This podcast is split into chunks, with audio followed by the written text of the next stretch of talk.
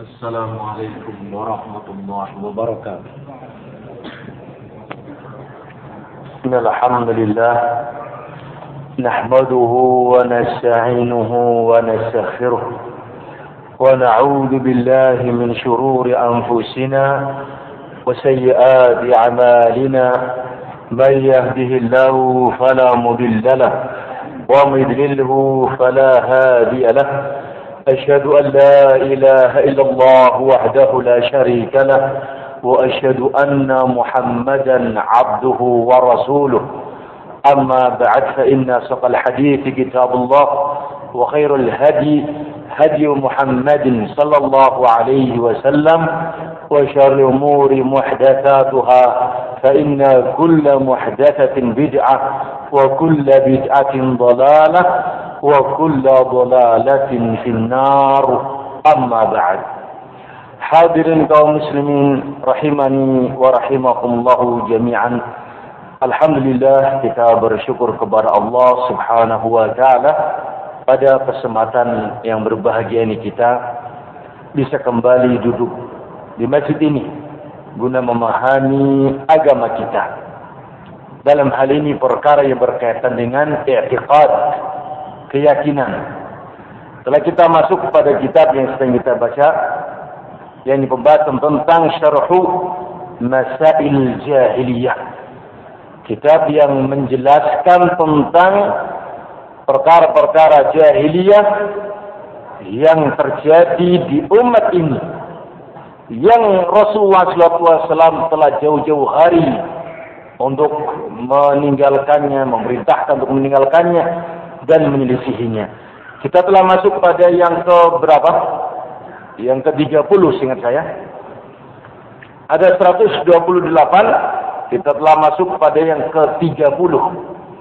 Yaitu bab tentang wahya min ajaibi ayatillah أنهم تركوا وصية الله بالاجتماع وارتكبوا ما نهى عنه من الافتراء وصار كل حزب بما لديهم فرحين. Bab tentang bahwa termasuk di antara keajaiban ayat-ayat Allah keajaiban yang sungguh sangat ajaib dan ini nyata. Itu apa? Annahum taraku wasiyat Allah bahwa mereka kaum musyrikin jahiliyah di zaman dulu mereka meninggalkan wasiatnya Allah untuk bersatu. Wartadabu manaha anhu. Bahkan mereka menjalani hal yang dilarang oleh Allah yaitu berpecah belah wasara kullu hizbin mimma ladayhim farihin jadilah setiap mereka berbangga dengan ciri khasnya masing-masing. Ini terjadi di zaman dulu. Dan ini pun terjadi di zaman sekarang ini.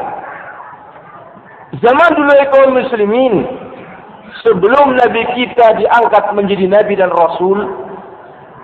Kaum musyrikin Quraisy beserta kabilah yang ada di bangsa Arab. Antar mereka saling memerangi, saling memusuhi, bahkan terjadi perang sekian ratus tahun antara kabilah Aus dan Khazraj yang ada di kota Madinah dan sekitarnya. Terjadi tafaruk perpecahan, perpecahan, perpecahan di antara mereka. Setiap kabilah berbangga dengan cirinya masing-masing. Kabilah ini Tuhannya Lata, kabilah ini Tuhannya Uzza, Manat, Hubal, masing-masing kabilah memiliki Tuhan yang mereka banggakan. Ini terjadi di zaman itu. Kemudian datang Nabi kita Muhammad sallallahu alaihi wasallam dengan membawa risalah berupa tauhid menghambakan diri kepada Allah, mengikhlaskan ibadah hanya untuk Allah. Dengan adanya dakwah Nabi ini, lambat laun terciptalah sebuah persatuan. Aus dan Hazrat menjadi saudara walaupun sudah 300 sekian tahun terjadi perang antar mereka, korban harta, korban nyawa, bahkan sudah turun generasi tiga generasi, itu bisa hilang, permusuhan itu bisa lenyap, dikarenakan mereka sama-sama menerima bimbingannya Nabi kita Muhammad sallallahu alaihi wasallam. Yang menyatukan mereka adalah nikmat Allah yang berupa Rasul dan risalah ini. Ini dia. Allah Subhanahu wa taala berfirman, "Wadhkuru ni'matallahi 'alaikum id kuntum a'da'an fa'alafa baina qulubikum fasbahtum bi ni'mati ikhwana." Dan ingat oleh kalian, ingatlah oleh kalian wahai bangsa Arab atas nikmat Allah yang Allah berikan kepada kalian. Apa itu? Iz kuntum a'da'an. Ketika kalian bermusuhan, saling membunuh, saling merampas, saling memusuhi, terus seperti itu kondisinya. Ketika kalian a'da'an bermusuhan, fa'allaf Allahu baina qulubikum. Allah kemudian satukan hati-hati kalian menjadi bersaudara, ikhwanan, bersaudara. Kenapa? Karena nikmat Allah berupa Rasul Muhammad sallallahu alaihi wasallam berserta risalah yang dibawanya. Di sini kaum muslim diambil pelajaran besar. Disebutkan oleh Syekh Shalal Fauzan dalam syarah terhadap kitab Syarh Sunnah dari Imam Al-Barbahari bahwa yang menyatukan umat itu tidak ada lain kecuali jika mereka mengikuti ajaran Nabi semata. Berakidah seperti akidahnya Nabi beribadah seperti ibadahnya Nabi barulah mereka akan bersatu. Tidak ada teori lain. Itu yang telah terbukti dan itulah nikmat Allah. Sehingga kalau umat di zaman sekarang ini mau bersatu tidak ada cara kecuali harus mengikuti bimbingan Nabi kita Muhammad sallallahu alaihi wasallam yang sudah menyatukan umat dalam keadaan permusuhan yang sudah menyatukan umat yang mereka dulu menyembah Lata, Uzza, Manat, Hubal dan yang lainnya. Sudah nyata ini nikmat Allah yang dengan sebab itu Allah menyatukan hati-hati mereka kaum muslimin rahimani waran jami'an. Yang kita bahas di sini adalah keanehan. Di mana kaum musyrikin jahiliyah tidak mau bersatu. Tidak mau bersatu ditandai dengan mereka menolak ajarannya Nabi kita Muhammad sallallahu alaihi wasallam. Dan yang lebih aneh lagi mereka malah justru senang dan gemar untuk berpecah. Ini terjadi zaman dulu di awal-awal penolakan Islam. Abu Lahabnya, Abu Jahalnya dan yang lainnya, Bani Qurayza dan yang lainnya diajak masuk Islam, diajak untuk bersatu di atas tauhid, menolak. Mereka malah justru memilih untuk meninggalkan bimbingan Nabi sehingga mereka jatuh pada perpecahan. Hal yang semisal ini kaum muslimin pun terjadi di umat-umat setelah Nabi kita Muhammad sallallahu alaihi wasallam. Bahkan terjadi pula di kalangan mereka yang mengaku sebagai muslimin. Islam itu satu, Pak. Islam itu satu, agamanya Allah Subhanahu wa taala yang diturunkan kepada Nabi kita Muhammad sallallahu alaihi wasallam. Diajarkan oleh beliau kepada umatnya itu Islam.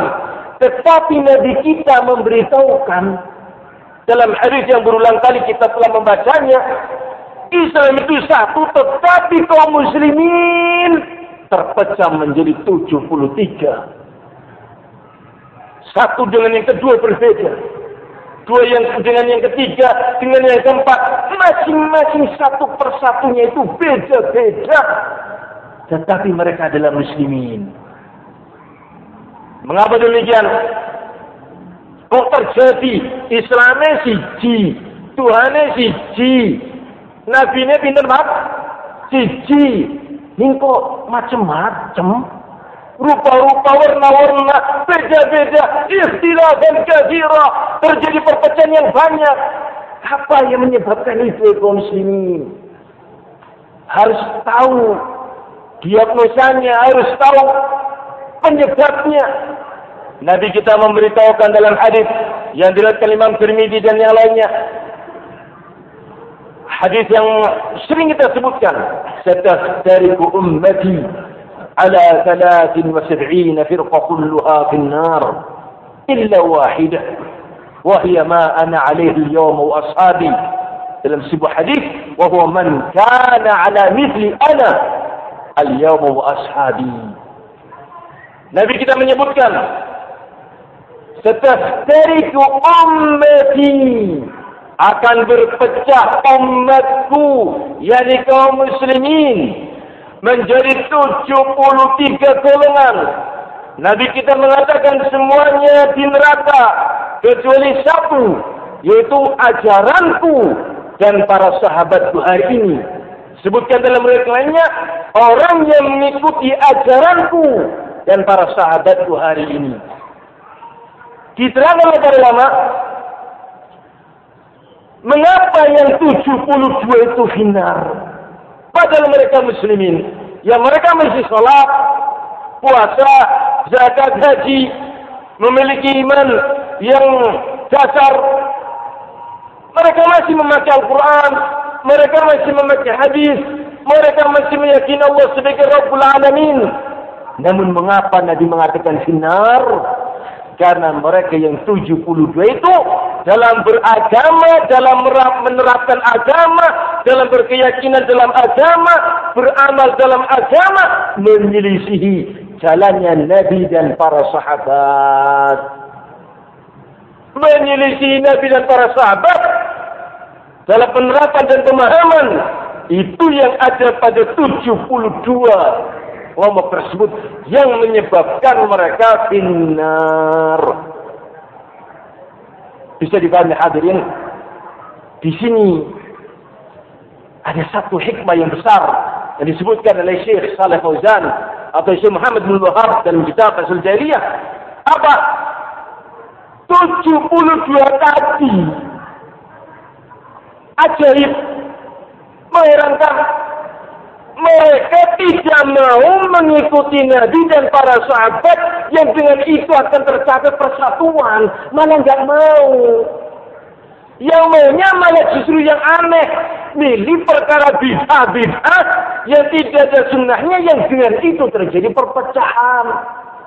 Terjadi warna-warni, beda-beda paham, beda-beda aliran, bikinan A, bikinan B, bikinan 1, 2, 3, 60, 70, 72. Masing-masing membuat sehingga beda-beda.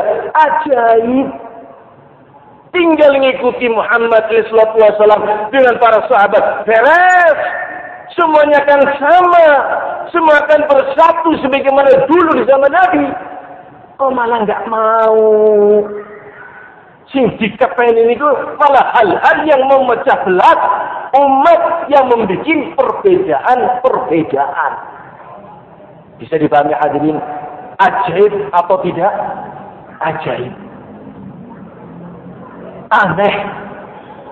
Kalau ngomong saya, oh kita kaum muslimin harus bersatu. Kita harus bersatu. Jangan tahdir-tahdiran. Bersatunya model apa ya kaum muslimin? Bersatunya itu, apa-apa kamu bid'ah, bid'ah, bid'ah, yang penting bareng-bareng. Jadi ahli bid'ah bareng-bareng. Itu namanya perpecahan satu kelompok beda dengan kelompok lain. Bukan sama. Tetapi kalau tinggalkan yang bid'ah-bid'ah, tinggalkan yang macam-macam, tinggalkan yang tidak ada sunahnya, semua kembali kepada Nabi. Akidahnya samakan. Allah jadi di atas ars. Semuanya meyakini itu. Allah memiliki 99 nama. Semuanya meyakini itu. maka niscaya akan sama.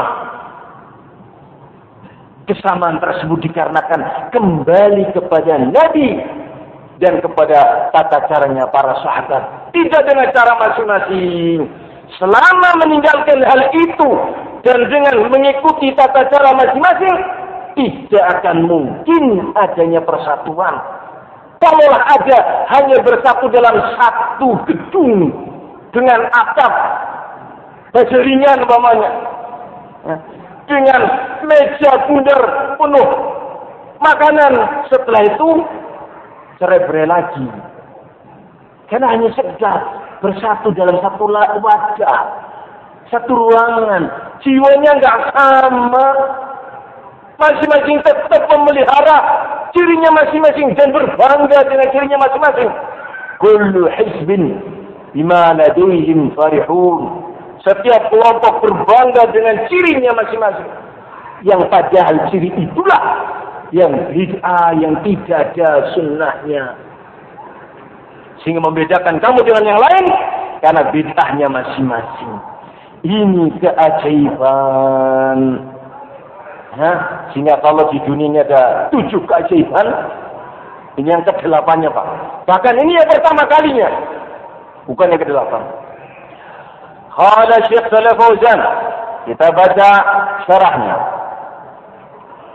ومن عجائب آيات الله سبحانه وتعالى أنهم لما تركوا الاجتماع على كتاب الله عز وجل sesungguhnya mereka ketika mereka meninggalkan untuk bersatu di atas kitab Allah wa syar'il munazzal ketika mereka meninggalkan untuk bersatu di atas syariat Allah yang Allah turunkan kepada para rasul. Walitisami bihi ketika mereka meninggalkan untuk berpegang teguh dengan syariat Allah, kitab Allah dan sunnah Nabi, maka di saat itulah ibtalahumullahu bitafarruq. Allah timpakan kepada mereka perpecahan. Ketika kapan itu terjadi? ketika mereka meninggalkan kitab Allah, meninggalkan sunnah Nabi, meninggalkan ajaran Rasul SAW, malah justru membuat yang lain. Allah timpakan kepada mereka perpecahan dan itu sudah sunnatullah terjadi perpecahan itu. Nabi kita sudah memberitahukan setiap dari umat ala salah sunni firqah dalam hadis yang lainnya juga riwayat Tirmizi, Rasulullah mengatakan dalam hadis Bakar bin Sariyah, "Fa'innahu may ya'ish minkum ba'di fasayara ikhtilafan kathiran." Sesungguhnya barang siapa yang hidup di antara kalian sepeninggalku, maka dia akan mendapati perpecahan yang banyak. Solusinya apa, Pak? Solusinya apa? bikin teori persatuan. Nah, tidak usah. Sudah ada solusi menghadapi perpecahan. Nabi kita memberitahukan dua hal. Resep yang resep ini turunnya dari Allah Azza wa Jal. Resep yang betul-betul situ. Dan tidak ada teori lain selain ini. Apa teori Nabi? Apa yang beliau telah lakukan menyatukan umat? Beliau mengatakan, ketika kalian melihat perpecahan yang banyak, wajib bagi kalian berpegang teguh dengan sunnahku. Alaikum bisunnati wa sunnatil khulafair rasyidil mahdiyin. Wajib bagi kalian memegangi sunnahku dan sunnahnya para khulafa ar-rasyidin yang terbimbing al-mahdiyin yang sudah pasti mendapatkan hidayah. Abdu alaihi bin wajib. Cicit itu dengan gigi gerahamu. Ini yang pertama. Artinya anda harus kembali kepada ajaran Nabi yang diterapkan di zaman para sahabat. Model dan caranya itu. Islam itu itu. Kalau yang lainnya ya Islam, tapi ada tambahannya. Kita tidak mengkafirkan kaum muslimin. Mengkafirkan itu perkara besar. Tetapi Nabi mengatakan sinar, dolal, sesuai dan setara dengan perbedaan mereka terhadap Nabi dan para sahabat. Ini dia. Yang kedua apa solusinya kaum muslimin? Setelah dia memberikan solusi pertama, kembali kalian kepada sunnahku dan para penabur rasyidin. Yang kedua, wa iyyakum wa muhdatsatil umur. Hati-hati kalian dari perkara-perkara baru dalam urusan beragama. Perhatikan. Hal-hal baru dalam urusan agama. Kalau hal-hal baru dalam urusan duniawi, adanya pesawat, adanya ini dan itu tidak mengapa selama itu hal yang ubah. Kalau baru dalam urusan agama, Nabi kita sudah wanti-wanti sebelum muncul hal-hal baru di umat Islam di zaman itu. Nabi sudah memberitahukan untuk kita berhati-hati dari perkara baru. Karena semua perkara baru wa kullu muhdatsatin bid'atun semua perkara baru dalam urusan agama adalah perkara bid'ah. Wa kullu bid'atin dalalatun. Dan semua yang bid'ah itu sesat wa kullu dalalatin finnar. Dan semua yang sesat itu finnar. Para ulama menyebutkan ketika umat Islam mengikuti jejaknya Nabi SAW dalam akidahnya, dalam ibadahnya, dalam beragama, bersatu mereka. Mendapatkan ridho Allah. Bahkan di antara mereka masih hidup sudah dijamin surga di saat Rasul di tengah-tengah mereka. Kemudian kata Asyik bin Zaymin dan ulama yang lainnya ketika menjelaskan hadis ini tak kala sepeninggal Nabi setelah dia wafat muncul orang-orang yang menyelisih para sahabat. Muncul generasi baru. Mereka bukan para sahabat Nabi. Tidak per, tidak pernah ketemu dengan Nabi para pemuda yang bersemangat. Tetapi cara mereka berbeda dengan para sahabat. Terjadilah perpecahan dengan sebab ini. Siapa pertama kali? Khawarij muncul yang berikutnya Syiah. Berbeda dengan para sahabat. Maka terjadi perpecahan yang kedua. Muncul waktu itu Qadariyah. Di akhir-akhir zaman sahabat mereka menjadi sahabat menyebabkan perpecahan muncul Jabriyah Jahmiyah Mu'tazilahnya Syariahnya Maturidiyahnya di zaman tabi'in dan tabi'ut tabi'in berbeda dengan para sahabat terjadi perpecahan terus terjadi perpecahan dikarenakan perkara bid'ah bisa dipahami hadirin mboten? Halo. Kecepatan ngomongnya apa pripun jenengan? Apa ini sudah jam malam? Jam 11 ini sudah. Ayo kaum muslimin jami'an ini perkara penting di mana umat ini dalam membahas persatuan dalam menghadapi perpecahan. Setelah terjadi perpecahan seperti ini, apa sikap kita? Terus kadung pecah. Terus kepriwe? Ya jurnal bela sing penting aja ribut-ribut. Apa seperti itu kaum muslimin? Jurnal baik sing penting bareng-bareng. Bareng-bareng kepripun tak beda.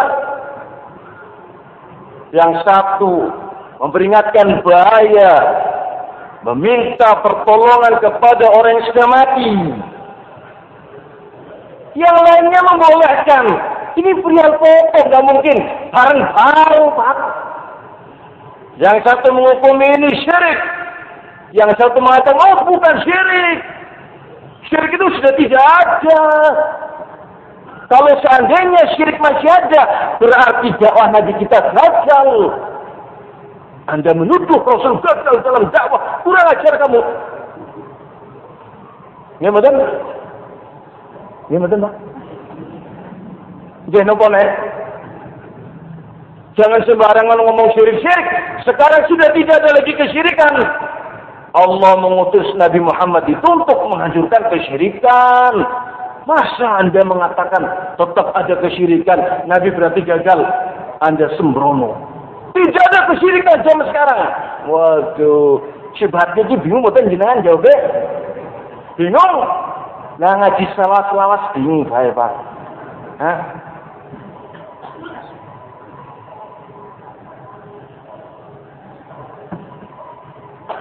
Hadirin kaum muslimin dan jami'an, bantahnya sangat mudah. Bahwa Nabi kita alaihi salatu telah memberitahukan kepada kita kepada Ali bin Abi Thalib radhiyallahu an la tada' qabran musharrafan illa suwitahu wahai Ali jangan kau biarkan adanya kuburan yang dibesar-besarkan yang dimuliakan yang menjulang tinggi yang dibangun kecuali kau harus meratakannya.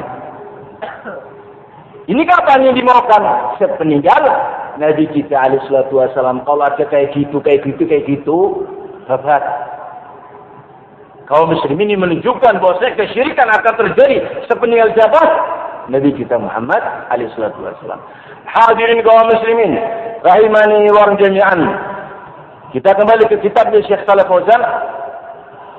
Ibtalahum Allah bitafarruq wa tashattuti wa tanahuri. Allah timpakan kepada mereka perpecahan, permusuhan, dan bahkan saling bunuh membunuh antara mereka. Wal farah bima huwa bima hum alaihi min al fatil. Dan mereka pun berbangga masing-masingnya dengan kebatilan-kebatilan yang ada pada mereka yang itu malah justru letak bedanya mereka dengan Nabi. Si A berbangga dengan bid'ahnya sehingga menyebabkan dia beda dengan Nabi dan beda dengan kelompok yang lain. Macam-macam seperti itu. Wahadihi uqubatun lahum. Dan ini adalah siksaan dari Allah yang Allah timpakan kepada umat manusia ketika mereka meninggalkan bimbingan Nabi bahkan mereka melakukan hal-hal yang tidak ada bimbingan dari Nabi Allah timpakan musibah berupa perpecahan, permusuhan antara mereka. Lianna al-insana idza faraha bil batili fa innahu la. Kata Syekh, sesungguhnya manusia apabila dia telah berbangga, bergembira, bersuka cita dengan sebuah kebatilan, maka dia tidak akan meninggalkannya. Yakni sampai mati. Kesesatan itu dia pegangi karena dia senang dengannya. Dia sangka itu benar. Padahal itu adalah batil. Ini adalah siksaan Allah ada dia dengan model itu siksa itu macam-macam kaum muslimin ada yang Allah timpakan kebakaran ada yang Allah timpakan dia terkena musibah apa malah petaka dalam hartanya badannya ataupun tempat tinggalnya ini malapetaka. Ada juga malapetaka yang orang itu tidak merasa. Allah berikan kepada dia akibat penentangannya kepada sunnah Nabi dan tidak mau mengikuti para sahabat Nabi. Akibat itu Allah timpakan kepada dia sebuah malapetaka yang dia tidak merasa. Tetap saja di atas kebatilan sampai mati. Na'udzubillah min dzalik besok di akhirat terbelalak matanya melihat ternyata amalan yang disangka benar itu batil ternyata yang dia harap pahala ternyata malah dosa. Yang seperti ini azab oleh kaum muslimin. Mending seorang diazab fisiknya. Mending seorang itu ditimpakan ujian berupa hartanya. Daripada ditimpakan urusan agamanya. Daripada ditimpakan urusan akidahnya rusak akidahnya. Jatuh pada syirik jatuh pada kubangan bid'ah sehingga dia tidak bisa lepas darinya.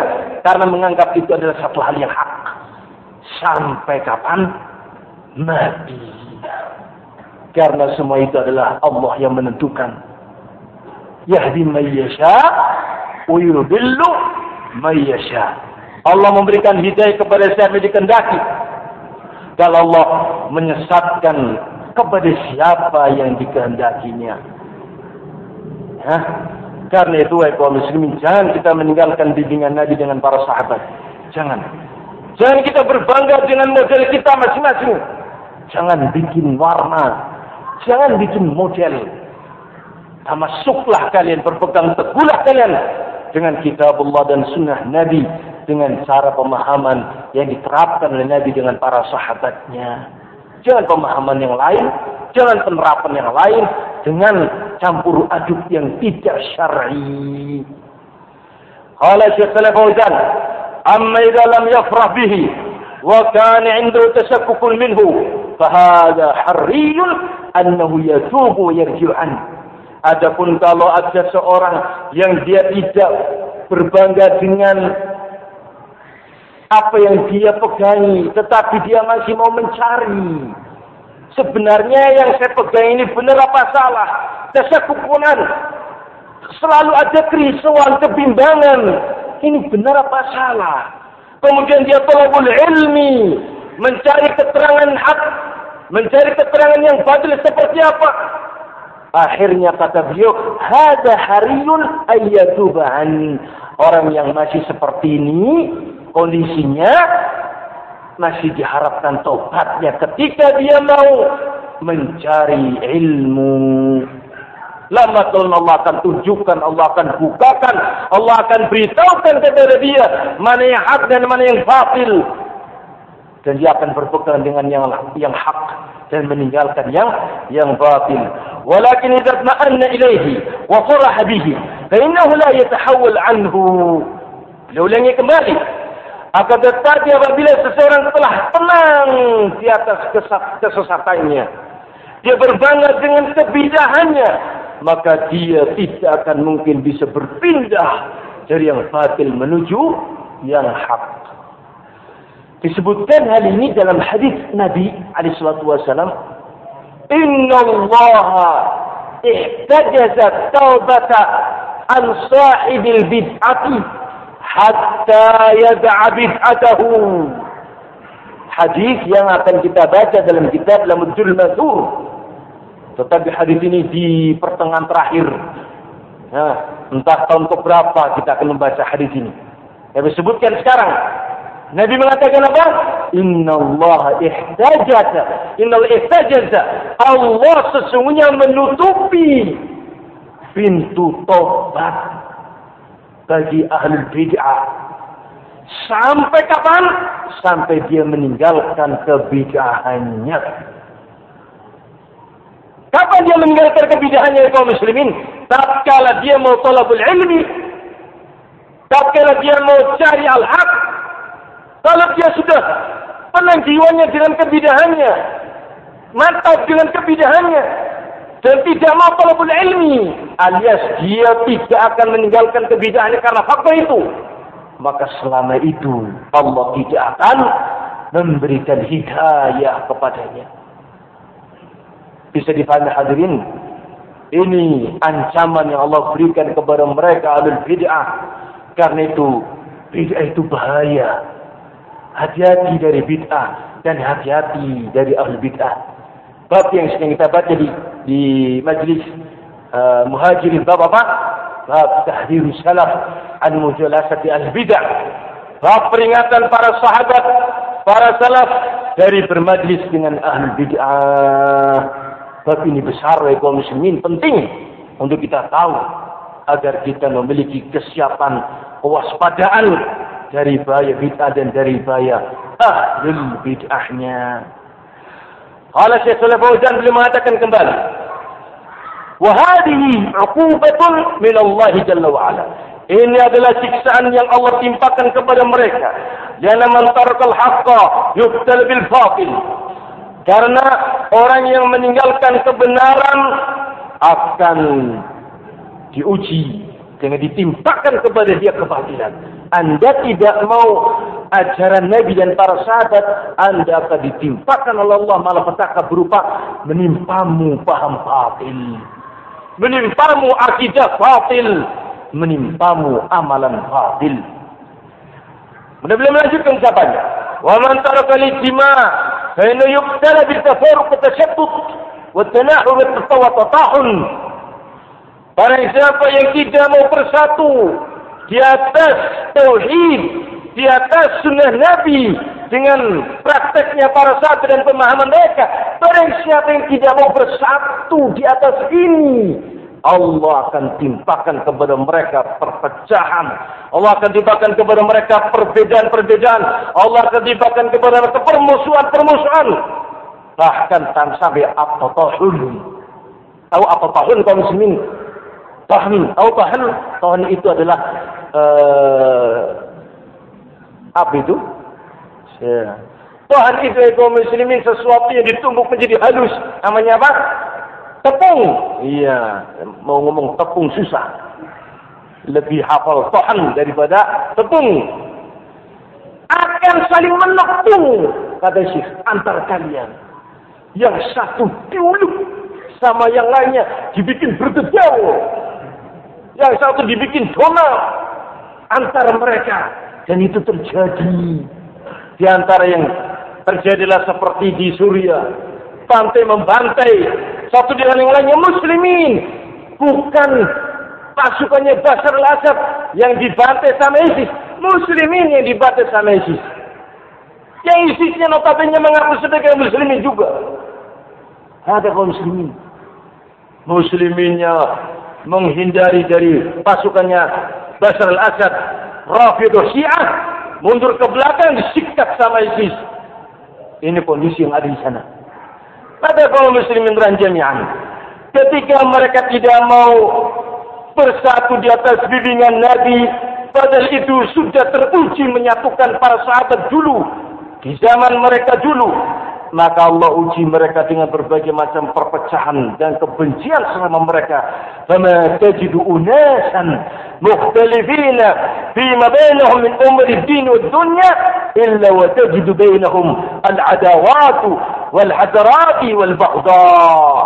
Qala Syekh Salih Fauzan, engkau di dalam mendapati manusia yang berselisih tadi Kenapa berselisih? Karena tidak mau kembali kepada bimbingan Nabi, tauhidnya Nabi, sunnah Nabi. Akhirnya berselisih. Berbeda-beda akibat bid'ah mereka. Kata Syekh, di dalam kejabati perpecahan-perpecahan itu antar mereka. Dalam urusan duniawi atau urusan agama. Kecuali kau akan dapati adanya permusuhan antar mereka. Akan kau dapati kebencian antara kelompok yang satu dengan yang lainnya masing-masing membela prinsip masing-masing yang dibikin oleh tokoh-tokoh mereka. Bukan Islam lagi yang dikedepankan. Bukan lagi bimbingan Rasul yang dikedepankan. Tetapi prinsip-prinsip dan tata cara yang ditelurkan dan dibikin oleh guru-guru mereka. Masing-masing memusuhi.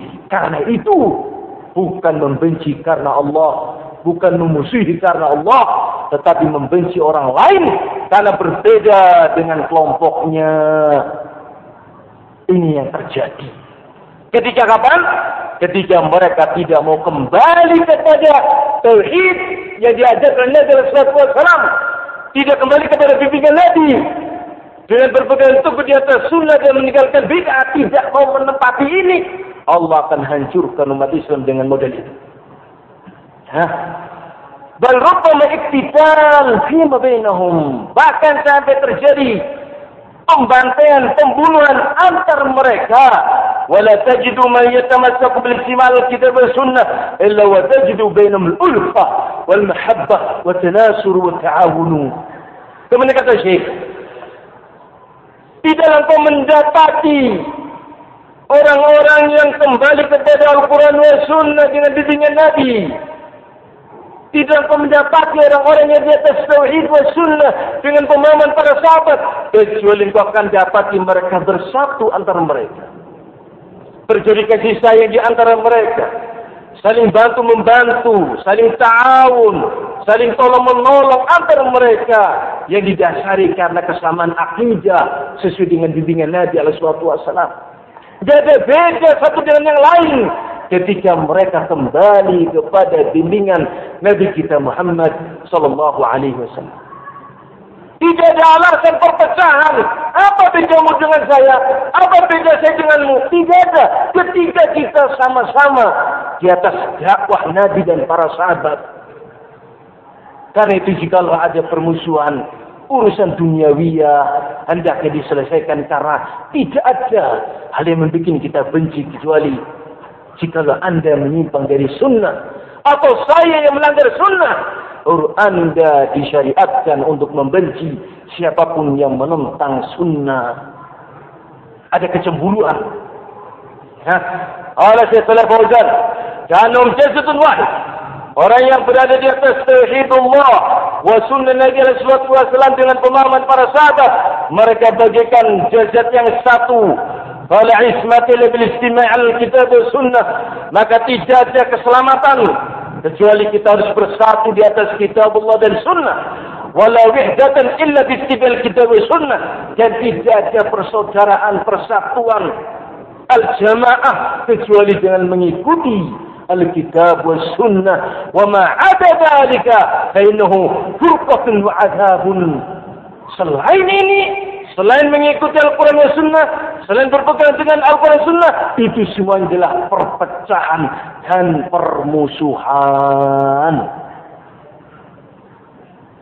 Bisa dipahami? Apa kecepatan, Pak? Kecepatan, betul, Pak? Betul, kok? Hmm, atau memang ini sudah malam, Pak? Ini talim pada Isya. Nah, talim pada Isya itu gurunya harus keras, Pak taklim sudah isya, gurunya ngantuki. 15 menit tok berlalu sudah pada dengkluk bang. Tumak nina banget antum. Hah, dengkluk, tumak nina. Lalu yang keras kayak gini aja ada yang tumak nina juga pak. Hah? Dengkluknya sudah banget, deleng lupa nangkan lu. Kepol sih dengkluk pak.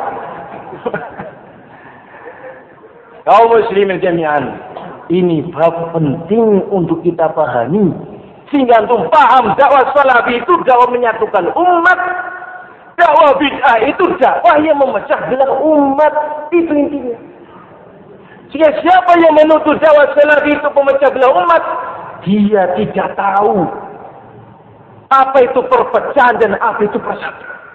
Dia tidak tahu apa itu persatuan dan penyebabnya dan apa itu perpecahan dan penyebabnya? Dia tidak tahu sehingga menyangka dia telah bersatu. Padahal dia adalah berpecah dengan saudara kaum muslimin yang lain. Karena beda dalam akidah beda dalam ibadah. Kenapa beda-beda? Karena bid'ah-bid'ah yang ada pada mereka dan tidak mau kembali kepada yang satu. Yaitu bimbingan Nabi kita Muhammad sallallahu alaihi wasallam.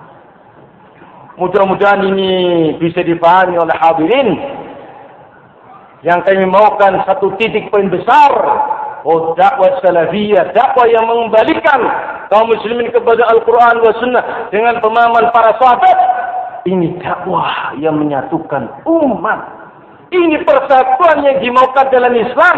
Wa'tasimu bihablillah bersatulah di atas kali Allah. Bukan sembarangan bersatu Bersatu itu sama akidahnya, sama pemikirannya, sama amalannya, sama kolbunya, sama imannya. Sesuai dengan bimbingan Nabi. Hal yang membuat beda, tinggalkan itu. Yang membuat beda itu apa? Bid'ah, bid'ah. Sehingga dakwah salafi, dakwah ahli sunnah wal jamaah, dakwah sunnah ini menyamakan orang dalam satu akidah. Dengan itu akan bersatu. Dan jangan pernah ada orang lagi mengatakan dakwah salafi adalah dakwah pemecah belah umat bukan sama sekali. Mudah-mudahan antum bisa paham dan bisa memahamkan orang lain. Bisa betul Pak? Bisa ya? Bisa. Bawakan kitabnya. Nah, ini saya bacakan kitabnya. Saya sudah pernah ngaji kitab ini. Begitu Pak. Ya, nah, kenapa ketawa? Belum bisa baca. Baca, bawakan kitabnya, setelkan kasetnya. Wah, itu teknik Pak. Nih, baca. Uh, kita gundul ya. Pak pintar banget lu Pak. Semua bisa baca Pak. berhenti laptop. Ya. Saya kata kaum muslimin sudah jam 8.17. Mudah-mudahan ini baru setengah yang kita bacakan. Dan insya Allah Rabu yang akan datang mudah-mudahan tinggal setengahnya lagi kita akan bacakan keterangan dari Syekh Asfal al-Fawzan hafizullah dokumen semian. Wallahu alam bisawab. Demikian bisa kami sampaikan. Lebih dan banyak. Kalau kemalaman juga nggak enak. Ini betul tak? Ya karena yang paling jauh saya. سبحانك وبحمدك أشهد أن لا إله إلا أنت السلام عليكم ورحمة الله وبركاته